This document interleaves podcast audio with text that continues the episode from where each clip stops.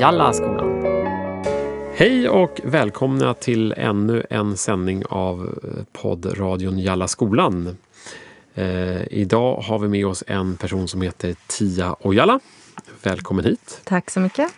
Tia, du är, kallar dig själv för frilansande lärare i svenska som andraspråk men också både föreläsare och författare till läromedelslitteratur. Precis. Mm. Och eh, svenska som andraspråk är ju temat i, i, din värld kan man säga och även hur man jobbar med nyanlända elever. Och det är det vi kommer prata om idag. Kan du berätta mm. lite om din bakgrund bara? Vad du har jag, jobbat med? Jag har jobbat med nyanlända, nästan enbart med nyanlända eh, och haft eh, både vuxna, ungdomar och barn i mitt klassrum. Så att jag har sett alla skolformer. Eh, och det är just det nyanlända som jag har fastnat för och det är det som jag skriver om och föreläser om framför allt. Men sen blir ju svenska som andra språk, de läser ju svenska som andra språk. Så mm. Det är det som är ämnet. Mm. Och var har du jobbat? Är alltid intressant för de som lyssnar. Uh, ja, i Stockholmsområdet. Men nästa, uh, sista skolan var Södertälje. Mm. Så där var det ju ett väldigt segregerat område. Uh, med många nyanlända från Syrien såklart. Mm. mm. Och du är författare till både läromedel och mer allmän litteratur? Ja, eller nu har jag fått precis eh, idag min eh, handbok, Mötet med nyanlända. Och det är den enda, liksom, vad ska man säga, mera allmän litteratur än så länge. Men annars är det bara läromedel. Mm. Och läromedel fokuserat på nyanlända då, eller Exakt. riktat nyanlända? Mm. Exakt. Mm. Bra. Och i och med din, din författarskap så är du också ganska bred och har ett brett perspektiv på det här med nyanlända. Vad, om du skulle vilja lyfta en del frågor som du tycker är extra viktigt eh, om man tar ut ur din handledningsbok där. Mm. Vad, vad, skulle du vilja lyfta fram för något då? Ja, det är som sagt väldigt komplext att motta nyanlända på sin skola. Men generellt kan man säga mottagandet, det kan man lyfta. Men sen är det ju undervisningen alltid viktigt mm. eh, hur man undervisar ja. nyanlända. Mm. Det låter som två hörnstenar i ja. hela helheten. Sen du... kommer ju kartläggningen är ju en viktig bit där också. Ja.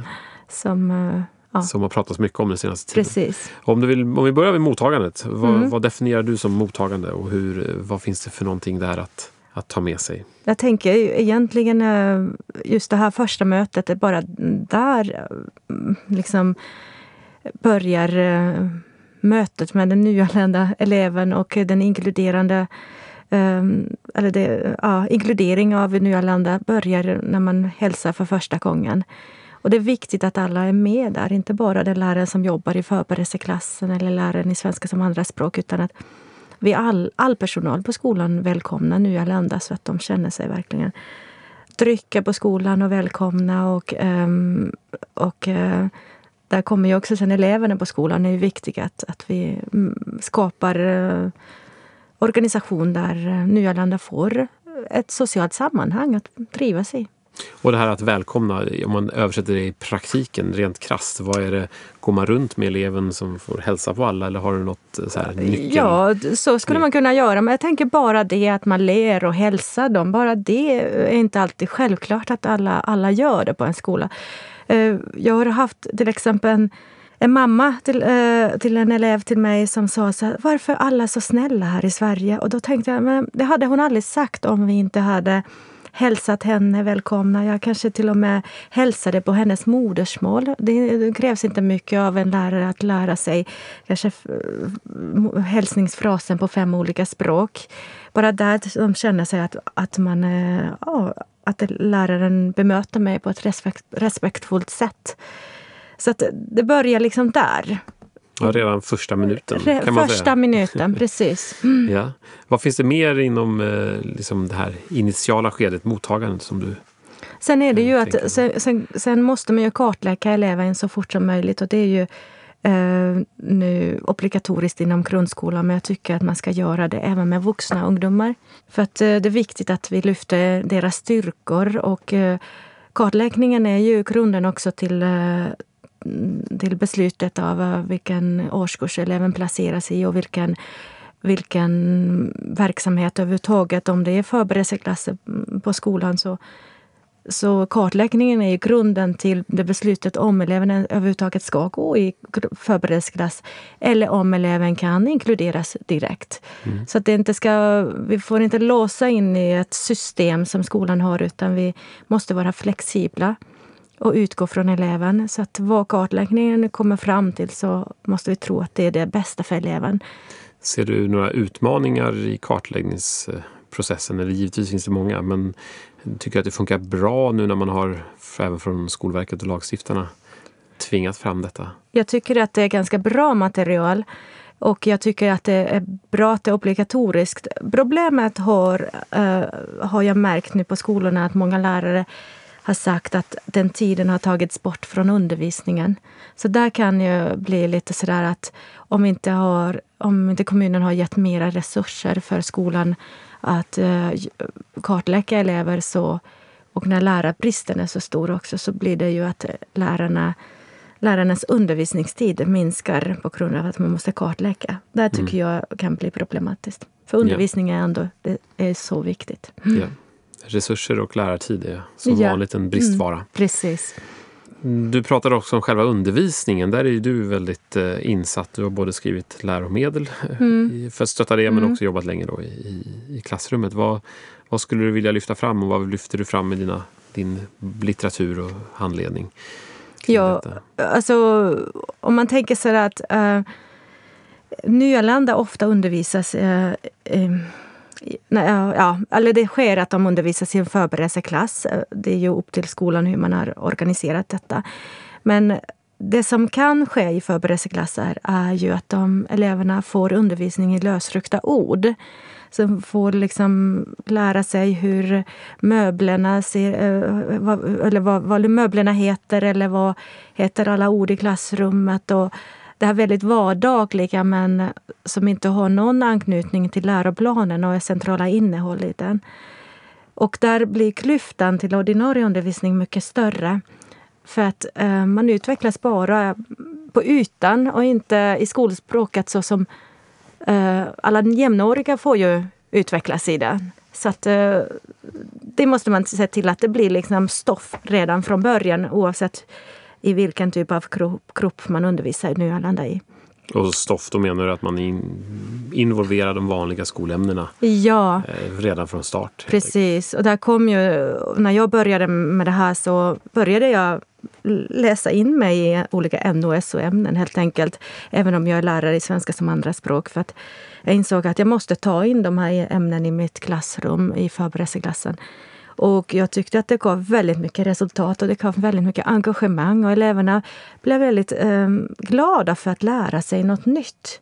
Mm. Och, eh, så att, eh, och där kom ju min bok också som, som jag skrev sen, eh, Förstå språket NOSO för nyanlända. Så att i den processen så utvecklade jag boken. Mm.